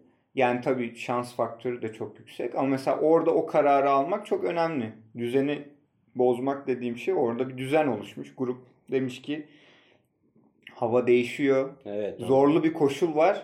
birbirimize yapışmamız lazım. Başka türlü hayatta kalamayız. Benim Sen altımda bir grup vardı. Çünkü şeye döndü. Bir anda rota dışı böyle sağ taraftaki ikinci grubun yanına gitti böyle. Orada herhalde siz vardınız. Evet. Şey Hüsam vardı. biz Ha, orada Hüsam gel gitti o tarafa. Evet, biz orada sıkıştık, sıkıştık, sıkıştık. Ondan sonra sırta yapıştık. Sırta yapıştık ama sırt Sırtta sırt şey kuzey yok. güney doğrultusunda uzanıyor diye düşün. Ee, rüzgar güneyden esiyor Evet. ve sen sırtın e, şeye batıya bakan yamacındasın. Şey doğuya bakan yamacındasın. Doğuya bakan. Yani. Yani aslında sırtın en termin kopmayacağı, kopsa Evet. da seni sürükleyip aslında en kuvvetli yerinden çıkamayacağın, seni böyle sürekli süpürdüğü Venturis'in gibi bir yerindesin. Orada hayatta kalmaya çalışıyorsun. Yerden çok alçağız. Ben mesela orada iki tane doğru karar verdim diye düşünüyorum. O, o kararları da o anda tabii doğru karar veriyorum diye vermedim ama yani bir Sonuca şeyler yapmak zaman bir şeyler yapmak gerekiyor diye iki defa düşündüm. Hı hı. Bir tanesi grup oradayken rüzgar üstüne çıktım. Biraz da riskli bir hareketti. Çünkü ormanın üzerindeyiz. Buruna çok doğru, alçağız. Buruna doğru. Buruna gittim. Burunda yer, yere çok yakın soaring yapmaya başladım. O beni rahatlattı. Hı hı. En azından patlamayacağıma patlamayacağım konusunda. Çünkü rüzgar oradan geliyor. Kuvvetli bir rüzgar var. Termik oradan bir zaman kopacak. O kopuncaya kadar bekleyeceğim dedim.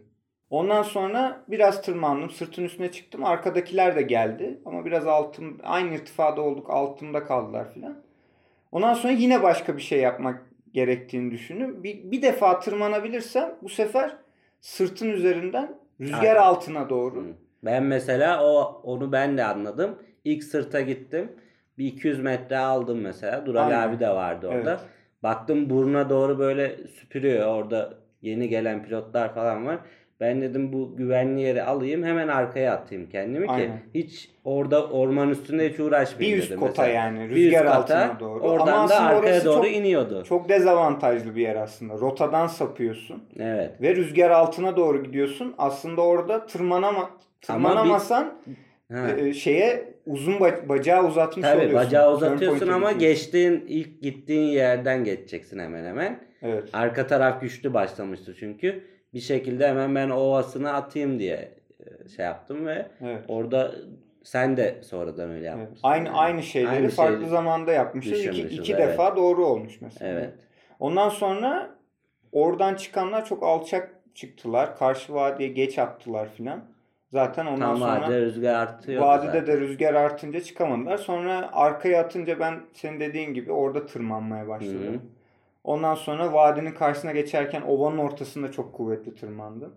Aynen ben de. Ondan Gülşah'la sonra dövmüştük orada. evet arkadan gelenler yani daha Ya yeni gelenler yeni var. gelen e, işte ufak kanatlarla döndüm Hı hı. birkaç defa. Onları kullandım. Ondan sonra turn point aldım. Ondan Gerisi sonra kolaydı. Bir yerde tekrar takıldım. Zaten zaman şey farkı Hmm. orada aramızda orada büyük olasılıkla açıldı. Gi- Yani kesin tırmanacağım, güneye bakan, rüzgarı karşılayan sırta Barajın gittim. üst, o tarafa. O tarafa. Hı. barajın oraya. Ama orası çalışmadı. Çok zayıftı. Orada sırt boyunca biraz gitmem gerekti. 4-5 kilometre. Ondan sonra tekrar tırmanmam Ben de oradan gerekti. geçtim. Mesela ben orada yükseldim yani. Evet yani o onun yanlış zamanına Evet, cycle arası gibi olmuş cycle, olabilir. cycle yani. arasına denk geldik. Sonra gitti. Yani mesela bunu bu şey bir tasktı. Yani normal standart bir yarışma günü için farklı bir tasktı. Ama mesela bugün hayatta kalmak çok önemli. Çok değerli bir şey yarışma. O günler evet. O gün için. Çünkü biz hep yarışmayı sıralama olarak değerlendiriyoruz. Gole kaçıncı girdin diye değerlendiriyoruz. Onu da değiştirdik aynen. Gole kaçıncı girdiğinin çok bir önemi yok. Evet. Gole birinci, birinci girdiysen tabii ki önemli. Ama gole birinciden kaç dakika geride ve ne kadar leadingle girdiğin önemli. Aslında önemli olan şey puan farkı. Evet. Sen 1000 puan toplamıyorsun. Sen altındakilerle ve üstündekilerle puan farkını azaltıyorsun ya da arttırıyorsun. Şimdi sen o gün ta- öyle bir günde iki kişi gole gittiği zaman eee 700 falan Diğerleri doğru. 700 alıyorsun atıyorum. Diğerleri gole gelemedi ve seninle ara- arasında e, seninle diğerleri arasında atıyorum işte 20-30 kilometre mesafe farkı olduğu için aranızda bazen 300-400 puan fark ol- olabiliyor öyle günlerde. Şimdi 300-400 puan geri kalan bütün taskların sıradan tasklar olduğunu varsayarsak nereden baksan birinci olup diğerlerine 30 dakika fark atman demek. Biz eskiden böyle düşünmüyorduk. Evet. Eskiden ya bugün zaten çok az kişi gole gitti. Bin vermeyecek oh boş ver diyorduk. Çok yanlış bir değerlendirme. Yıllar içinde fark ettik aslında. Çok matematiksel bir hesap. Yaşaya yaşaya aynen fark Böyle günlerde havada kalmak, bin almak önemli değil. Böyle günlerde puan farkını açmak için çok önemli. Bir anda 200 puan fark atmış oluyorsun diğer rakibine. 200 puan diyelim ki herkes diskartsız olduğu bir durumda, 4 task uçulduğu bir durumda. O 200 puan sana e, işte bazen 50-60 puanlık net bir fark olarak geri dönebiliyor. Kaldı ki iyi uçtuysan ve rakibinin işte hatalı günleri varsa o fark daha da artıyor. Yarışma zaten biraz öyle kazanılıyor. Bir de şeyi konuşabiliriz. Son süzülüş. Hmm. Bu mesela benim yıllardır öğrenmek için çok Evet. çabaladığım bir şey. Daha hala belki de Daha hala tam olarak yapamadığımız bir şey ama yarışma bununla alakalı. Yarışmanın büyük bölümü bununla alakalı. En azından sonucu tamamen bununla alakalı. Sen bütün günü çok önde, hızlı ve leadingleri toplayarak geçir. Ama günün sonunda speed section'a patlarsan olmaz. Ama yarışmayı kazanacaksan da birçok noktada speed section'a patlama riskiyle karşı karşıya son süzülüşe gitmen lazım. Burada neye dikkat etmek lazım sence? Yani son süzülüşte Çok fazla senaryo çok var. senaryo var. Ee, Zaten şimdi teknolojiyi de kullanıyoruz yani. Şimdi alet mesela ötüyor. O alet herkes de ötüyor yani. Acaba çıkacak mıyım? Yoksa atıyorum 300 metre daha mı tırmanacağım yani gibi şeyler oluyor. Bu hem gole olan mesafen mesela yani o alet öttüğünde 10 kilometre mi var? 5 kilometre mi var? Gibi senaryolar olabilir. Hem de mesela şeye bakmak gerekiyor. Süzülüş oranına bakıyorum ben mesela. İrtifaya da ir- bakıyor musun? irtifaya da bakıyorum. Alet mesela diyor ki 100 metreyle varacaksın diyor. Ama alete ne kadar güveneceksin yani. Evet. Ya da önünde 2-3 tane alet oluyor. Biri diyor ki eksi 200 diyor. Biri diyor artı 100 diyor. Biri işte eksi 500 diyor mesela. Evet. Hangisine güveneceksin? Evet. Orada en iyi şey herhalde benim baktığım süzülüş oluyor yani. Bire kaç süzülmem gerekiyor? Evet rüzgar nereden geliyor? Şuradan. Bu rüzgarda bire, bire 8 atıyorum süzülür müyüm? Gibi bir şey yapıyorum yani irtifadan çok. Bire kaç süzüleceğime bakıyorum ben yani. Bu da genelde tutuyor. Yani kendi şeyimi de koyuyorum. Yani sıfır deyip çıktığım da oluyor. Eğer gün o atıyorum 10 kilometre süzüleceğim ve iyi süzüleceğimi hissediyorsam işte eksi yüzde de çıktığım oluyor. Değişiyor yani. O anki psikolojiye çok bağlı. Veya Bazen- konumuna da bağlı yani. Bazen şöyle şeyler oluyor.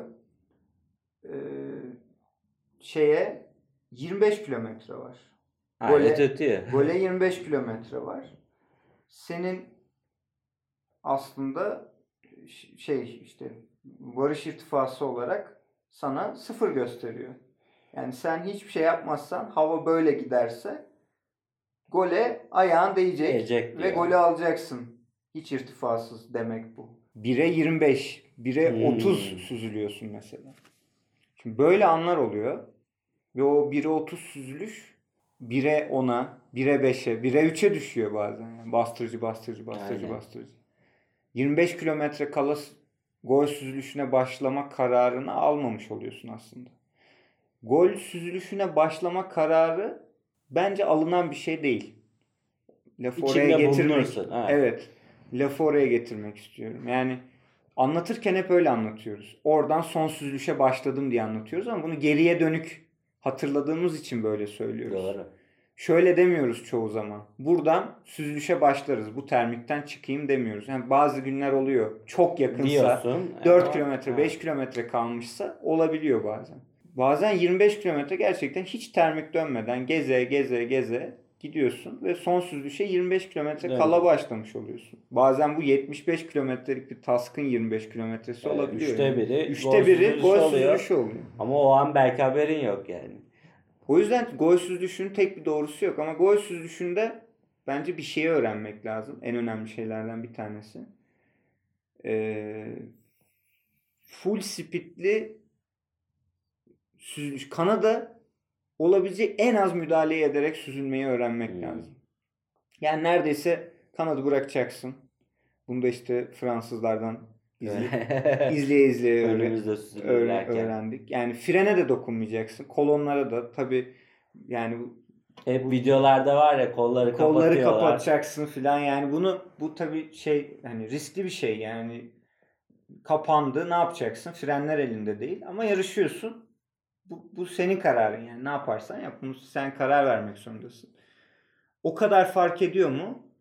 Bazen ediyor. Ediyor. bazen ediyor. Yani full speed gidiyorsun 10 kilometren var irtifa yetiyor süzülüş yetiyor sen bir takım termiklerin içine balonların içine giriyorsun çıkıyorsun filan bunlar Müdahale ediyorsun. Bunlar olurken sen ister istemez kanada müdahale ediyorsun. Bunu öğrenmek lazım. Kanada daha az müdahale etmeyi öğrenmek lazım. Belki son süzülüşle ilgili en önemli şeylerden bir tanesi. Kim nerede? Evet. Sen neredesin? Gol nerede? Teğeti nereden alacaksın? Bunların bunlar içerisinde diyelim ki 10 madde sıralayalım. Bu 10 maddenin her birinde tik olması lazım. Bir maddede tik yoksa yani ondan emin değilsen o zaman sen büyük olasılıkla bir, bir puan geridesin diğer adamlara göre. İki maddede tik yoksa iki puan gibi oluyor. Ama işte garantici olsan mesela orada Evet. bir de o var yani şimdi herkes gole gidebiliyor ama Rahatlık- pas kazanmak bir aslında marifet gibi de oluyor yani şimdi. evet. Yani beşinci Hele bitir- kalabalıkla o gole noktaya gitmek gelmişsin gidiyorsan yani. Çok büyük olasılıkla dördüncü, beşinci bitirirsin task. Ama bu yeterli mi mesela? Aynen. Bu mesela senin doygunluğunu da gösteriyor bence. Şimdi çoğu mesela şey olmayan orada der ki tamam yani buraya kadar geldik bari gol yapayım ma şey olur yani. Sen orada gol yapmaya geçmişsin. Birinci olayıma gelmişsin ve riski risk almışsın aslında yani. Evet. Gol çizgisine inemeyebilirsin yani. Bir 10 metre daha aşağıda olsaydın veya böyle azıcık daha bastırıcı Evet. olsaydı çizgi daha gerisine Daha inecektin. daha şanssız olsaydın. Ve Evet. bütün günün ve o gün yani bayağı gol oldu. O gün Düşün. evet. herkes neredeyse Neredeyse herkes gol 70-80 yaptı ve o kadar iyi uçman sana puan olarak ya dönmeyecek Tabii, yani. bitmiş olacaktı yarışma. Ve böyle için. günler oluyor yani. Bu, Evet, bunu, çok oluyor. Bunu biz çok yaşadık yani. Sen de çok yaşamışsındır. Evet. Mesela bu gibi günlerde ben mesela diyorum ki ya diyorum siktir et yani. İyi uçtun ama olmayabiliyor yani. Evet. Yani bunu demek önemli yani. Allah kahretsin nasıl patladım falan değil. Evet. Evet ben iyi uçtum bugün ama indim. Yani şanssızdım. Şans faktörü çok fazla çünkü yani. Evet. Yani belli bir tecrübeye geliyorsun tamam oraya kadar tecrübe ama ondan sonra yani gene tecrübe devam ediyor ama bu sefer şans faktörü çok geliyor yani. Evet. Yani gerçekten her yarışma birbirinden farklı. Her gün de birbirinden Her gün farklı aynen. Her günün her anı da birbirinden farklı. Ve herkes yan yana süzülürken bile mesela bambaşka şeyler yaşıyorsun. Sen bambaşka şey düşünüyorsun o an. Ben bambaşka şey düşünüyorum. Halbuki yan yana süzülüyorsun yani. Evet. Yani içinde bulunduğumuz mekan aynı. Yan yanayız Zaman ama aynı. işte bu da Ama- tecrübe. Yaşadıklarımız farklı çünkü Evet, yani. Seninle, farklı. senin yaşadıkların, iyi kötü yaşadıkların var. Benim iyi kötü yaşadıklarım var. O an bambaşka şey geliyor aklımıza yani. Evet. Yani yarışmanın eğlenceli bir şey haline gelmesi biraz zaman alıyor. Evet. Ondan önce kendi kendine mücadele gibi oluyor. Havaya karşı mücadele, kanada karşı mücadele, o anki stresle mücadele. Evet. O an tecrübesizsin. İşte zaten çok tecrüben yok. Hem Kanada alışkın değilsin veya hakim değilsin. İşte bir yandan korkabilirsin, bir yandan yarışma mı uçacağım falan. Ama işte bu işler aslında yavaş yavaş oluyor. Biz de şimdi böyle konuşabiliyoruz ama biz böyle olmadık yani. Şimdi ilk yarışmalarımızı düşün yani. Biz de turn point toplayıp bir tane toplayıp indik yani. Evet. Veya iki tane turn point toplayıp indik. Ona ona sevindik yani zamanında. Evet.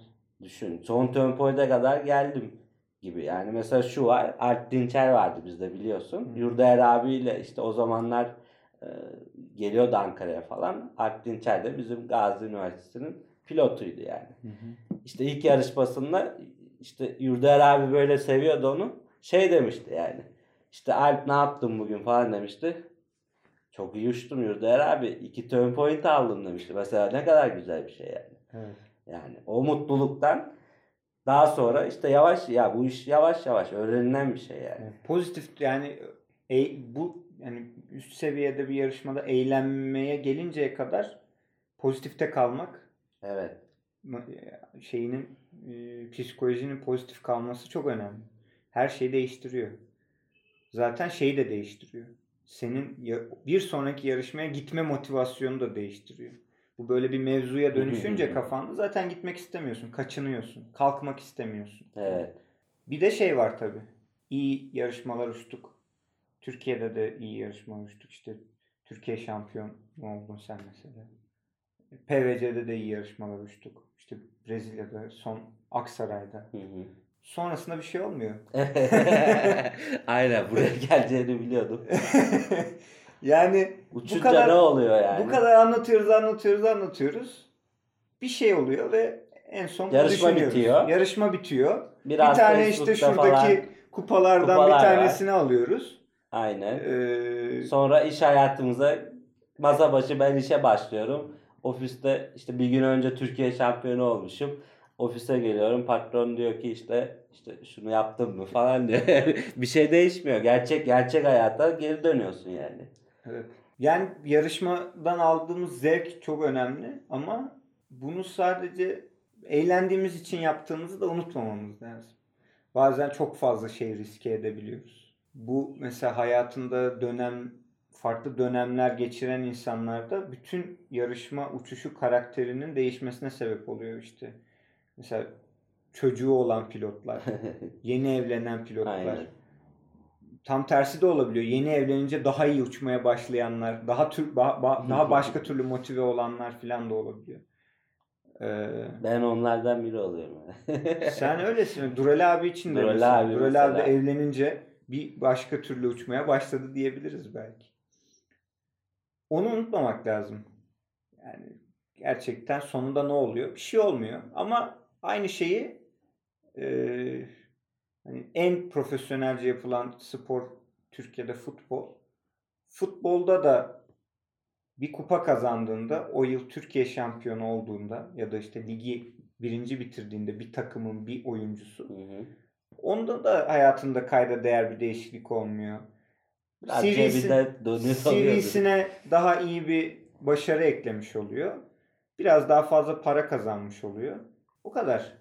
Ertesi biz de- sene gene aynı. Ertesi sene her şey tekrar sıfırdan, sıfırdan başlıyor. başlıyor. Yani Türkiye şampiyon oldu diye Barcelona'ya transfer olmuyor futbolcular ki Hı hı. çok fazla futbolcu var yani. yani. Bir takımda 20 tane olduğunu varsa 18 tane takım var. Onlarca Yani futbol. hepsi bir yere gitmiyor 400 yani. tane futbolcudan kaç kişi bir yılda daha iyi bir yere transfer oluyor? Çok az. Çok az. Ee, bunlar olurken bunu da düşünmek lazım. Evet böyle yarışma anını yaşar gibi anlatırken heyecanlanıyoruz, hoşumuza gidiyor, eğleniyoruz. Ama buradaki eğlence aslında şeyden geliyor. Yıllardır buna verdiğimiz emekten, kaç kere Aynen. patladığımızdan, kaç kere başımıza gelen olaylardan, Çabalar, işte çabalı- çabaların çabaların karşılığını bulmasından geliyor biraz. Onunla barışmak lazım yani. Kötü uçtuğun zaman da, iyi uçtuğun zaman da bu sorunun bir cevabı yok. Yani dünya şampiyonu oldun. Ne oluyor ki? Bir şey olmuyor. Bir şey olmuyor. Yani dünya şampiyonu olan bir sürü pilot var. Kaç kere dünya şampiyonası yapıldı? 10 küsür kere yapıldı galiba. Hı hı. PVC her sene 5 kere yapılıyor. Süper final 10 yıldan fazla oldu galiba. Yapılıyor. Bir sürü süper final şampiyonu var. Bir sürü PVC şampiyonu var. Bunların da hayatlarında çok büyük değişiklik olmuyor. Zaten PVC'yi kazanıyorsa ya da süper finali ya da dünya şampiyonasını, Avrupa şampiyonasını kazanıyorsa çok büyük olasılıkla üreticiyle, işte ozonla, cinle çoğunlukla zaten bir Çalışıyor. angajmanı var. Yoksa da daha fazla angajı oluyor. Daha az para harcıyor malzemeye. Belki işte Naviter sponsor oluyor. İşte kanat daha ucuza geliyor filan. O yüzden bunu bir bahaneye döndürmemek de lazım diğer taraftan. Yani kötü gitmiş olabilir. Olabilir çok olası. Bir yıl kötü gidebilir yani. Bir koca sezon, beş yarışmaya Gidebilir gidersin. Yani, örnekler var. Kötü gidebilir. Gene Bunlar- de yarış yani. Gene de Kazanmak yarış. isterse yani. Evet. Bir de mesela ben şeyi anladım. Şimdi belli bir tecrübe tamam e, bir yere kadar geldik. Yani Türkiye'de de bir 20 pilot diyebiliriz. Hemen hemen e, mesela Türkiye şampiyonasına baktığın zaman 15 pilot birinci olabilir diyoruz şimdi. Seviye aslında yükseldi. Ben işte eskiden mesela nasıl oluyordu? İşte 5 pilot bunların ilk işte bir tanesi birinci olur veya 3 pilot bunların bir tanesi birinci olur gibi falan. Şimdi öyle değil. Ee, tecrübe bayağı yükseldi. Evet, Eskiden her gün gole gitmek kürsüye çıkmak için yeterli bir şey. Aynen. Aynen. Şu an ama öyle değil. Yani bariz bir hata yaptığında geri kalıyorsun. İşte sıralama sürekli değişebiliyor. İşte 3 gün geçiyor. Diskartlar böyle çalışmaya başlıyor. Liste alt üst oluyor falan. Ee, seviye gitgide yükselmeye başladı. Böyle bunun da şeyi e, artısı nasıl oluyor? Eğlenmeye başlıyorsun. Süzülür şey yaparken, uçarken, yarışırken falan Evet. eğlence olmaya başlıyor yani. Artı kendini zorluyorsun. Çünkü artık yani 15 tane falan PVC'de uçan pilot var. Gerçekten Ve yarışıyorsun. gerçekten yarışıyorsun yani. Baktığın zaman orada da hataya yer yok. Türkiye'de de hataya yer olmuyor. Hata yapan böyle geriye düşüyor yani. Evet. O yönden güzel yani.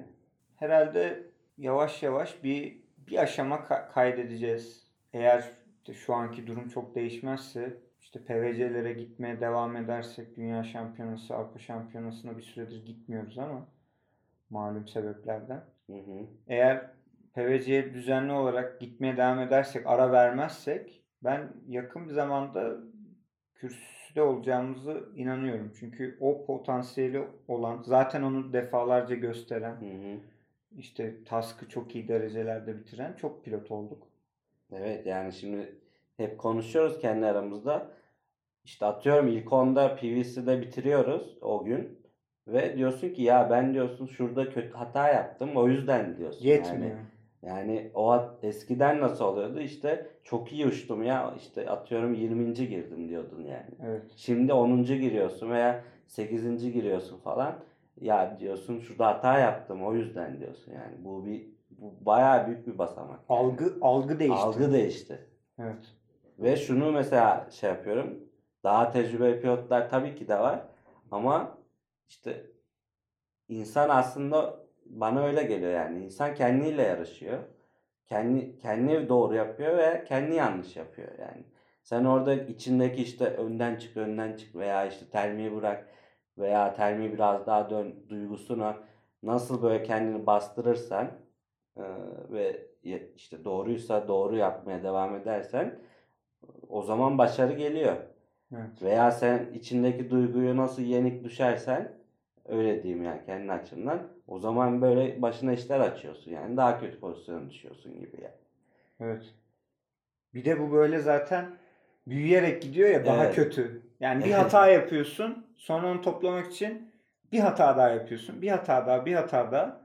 Çok iyi 50 kilometre uçmuşsun grupla beraber. Bazen grubun önünde, hı. sağında, solunda. O yaptığın hatayı kontrol edemeyince o çığ gibi büyüyor. Kendini böyle bir anda Zevk de alamıyorsun. e, zevk de alamıyorsun. Bir anda herkes gitmiş, sen 5 kilometre geride kalmışsın. Alçaksın, tırmanmaya çalışıyorsun. Yarışmanın dışında buluyorsun. falan. Böyle günler var. Yani böyle anlar yaşanacak illaki. Tabii. Kolaylaşmıyor yani. Bu zorluklar yaşanmaya devam edecek illaki. Ama mesela bir şey yaptın ve yanlış oldu. Ortaya çıktı. Bastın gittin ve yapıştın yere tırmanmaya çalışıyorsun. Adamlar senin bin metre üstünde Hemen bir tane şey geldi aklıma. geçiyor. Çameli'nin ilk günü. Hatırla iki. ya çok ilginç bir gündü yani. O dağın sol tarafına sıkıştık yani iki kere git geldi gündü. Evet. Ben şimdi diyorum kendim çok gerideyim herhalde. Yani bakıyorum herkes gitti yani Dural abiler falan gitti. Baktım orada Dora geldi. Lan diyorum o da mı geride kaldı falan. Sonra baktım Hüsam geldi böyle. Dedim herhalde öndeyiz yani. Üçümüz de geride olamayız. Sonra baktım böyle biz böyle sırtın oradayken hatırlıyorsun. Böyle tırmanmaya çalışıyoruz. Değer ve ikiler böyle bin metre üstümüzden geçiyor.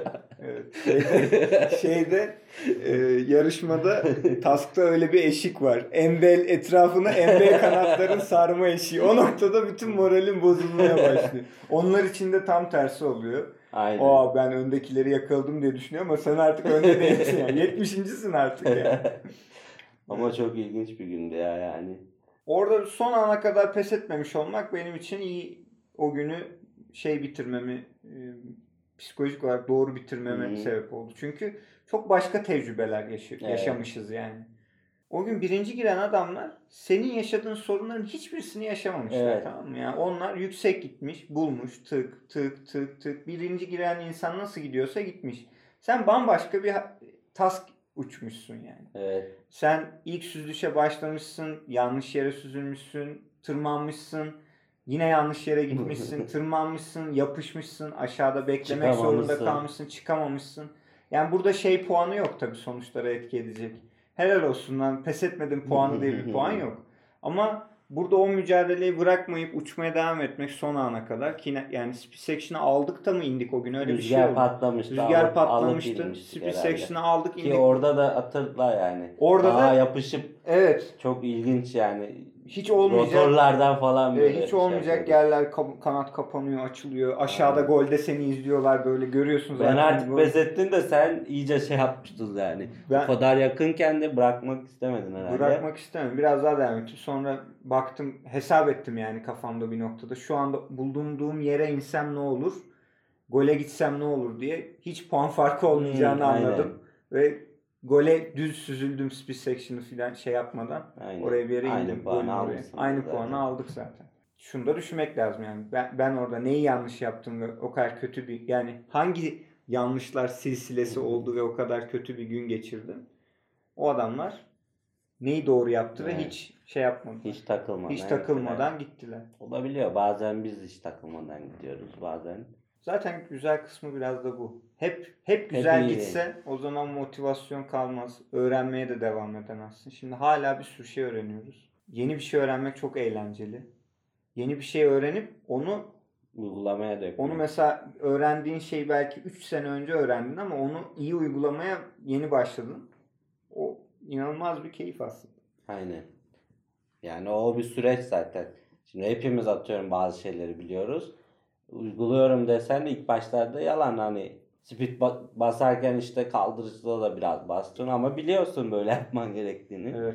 Tırsıyorsun, tırsıyorsun, girer girmez falan gibi çekiyorsun. yani. Ama o zamanla kanat hakimiyetin falan gelişince Evet. e, şey oluyor yani. Termiği koruna gidene kadar Kadar- full speed gidip korun en kuvvetli yerinde çekiyorsun, kırıp dönüyorsun. Brezilyalılar. Brezilyalılar. Brezilyalılar gibi. Evet yani bu bu, bu insanlardan Görerek, Görerek çok şey öğreniyoruz. çok şey öğrendik doğru. Öğrenmeye de devam ediyoruz. Güzel. Benim aklıma gelenler hemen hemen böyle. Senin başka söyleyeceğin bir şey var mı yarışmalarla ilgili? Sadece şey olmasın yani e, yeni bir kitle gelse güzel olur aslında. Var aralarından. Daha farklı kişi, bir daha kafa değil farklı mi bir yani? kafa. Bizim kafamızdan daha farklı bir şey. Evet yani Biz çünkü şey gibiydik böyle. Kalkınmaya çalışan böyle gelişmekte olan bir şey. Zaten bizi ilk gönderen de gelişmekte olan Evet. Spor Branşları Federasyonu. aynen. Şimdi mesela hafif bir gelişmişlik var. O gelişmişliğin üstüne Üstüne Farklı, daha böyle taze bir şeyler kafa gelse, o zaman o zaman olur çok yani. daha eğlenceli olur. yani 20 pilot değil de 40 pilot ilk etapta. Sonra 60 pilot falan gibi şey olursa tapa oynarsa. Herkes birbirini zorlayıp bu spor böyle gelişiyor yani. Evet. Tabii negatif şeyler de var. İşte Türk lirasının değer kaybı. yani eskiden mesela 7 bin liraya aldığın malzemeyi şu anda 20 bin liraya alıyorsun. Evet bir seviye atlayıp alıyorsun veya öyle şeyler de çıktı. Evet bir seviye yani bir seviye atlayıp alıyorsun. Bunları çok yapmamak lazım ama yapıyoruz, yapılıyor. Yani bir tane Evet. doğru yok. Doğru çok fazla. Kendimizi hep elimizdeki koşullara uyduruyoruz. Bunlar olurken önemli bazı şeyleri atlamamak lazım. Yarışmanın bir keyif Aynen. olduğunu, Uçmanın bir keyfi uçmanın olduğunu. bir keyif olduğunu, iyi günler olabileceğini, kötü günler olabileceğini. e, hepsinden öğrenecek şey olabileceğini. Çok kötü bir yarışma olsa bile zaten oraya arkadaşlarımızı görmeye Evet, gittiğimizde aynen. akşam işte bir bira içip sohbet etmenin güzel bir şey Onu da olduğunu- özlüyor çünkü insan yani. Tabii tabii şimdi yani Ankara'dayız mesela şu anda. Uzun bir süre yarışmasızlık dönemi Hmm. var. Özlüyor Forumda insan. kavga olmuyor. Eskiden en azından öyle Eskiden şeyler böyle oluyordu şeyler yani. oluyordu. Evet, insanlar da sakinledi biraz. Daha güzel aslında da insan bir sansasyon arıyor galiba. Boş zamanında. Kavgalar olmuyor, şeyler olmuyor. Sıkılıyoruz yani. Evet. Yavaş yavaş kapatabiliriz. Her bölümü aynı şekilde kapatıyoruz. Bu bölümde bu bölüm diğerlerine göre biraz farklı oldu. Benim hoşuma gitti. Daha faydalı bir içerik olmuş olabilir. Faydadan kastım daha böyle öğretici bir içerik olmuş olabilir. Bu konuya Tecrübeye dayalı. Evet, bu konuya ilgi duyanlar için buraya kadar dinleyen ve işte yarışma uçmaya yeni başlayan ya da yarışmada bir tecrübesi olup şu an konuştuklarımız ilgisini çeken insanlar için e, genel olarak ya- yamaç paraşütüne, yamaç paraşütü yarışmalarına, mesafe uçuşlarına devam etmesi, güvenli bir şekilde devam etmesi, daha çok keyif alarak devam etmesi, daha çok öğrenerek devam etmesi için ne önerirsin? Yani ben önce şunu öneririm. Yani biz de önceden öyleydik. Hazır edilmiş bir tecrübe var. İşte bu insanlar kimi artık tecrübeli görüyorsanız ve bir şeyler yapmak istiyorsanız o insanlara yani çekinmeden sorun. Ben çünkü mesela hatırlıyorum Dural abiye soruyordum yani abi işte termik dönerken arka kolunu tutuyor musun bir tarafın falan yapıyor musun böyle şeyler falan gibi. O da anlatırdı ve ben oradan bir sürü şey kapardım.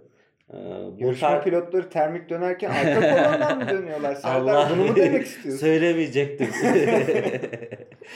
Bu tarz şeyler e, oluyor tabii ki de. Bir tec- edinilmiş bir tecrübe var ve burada benim benim bildiğim kimse sizi terslemez yani.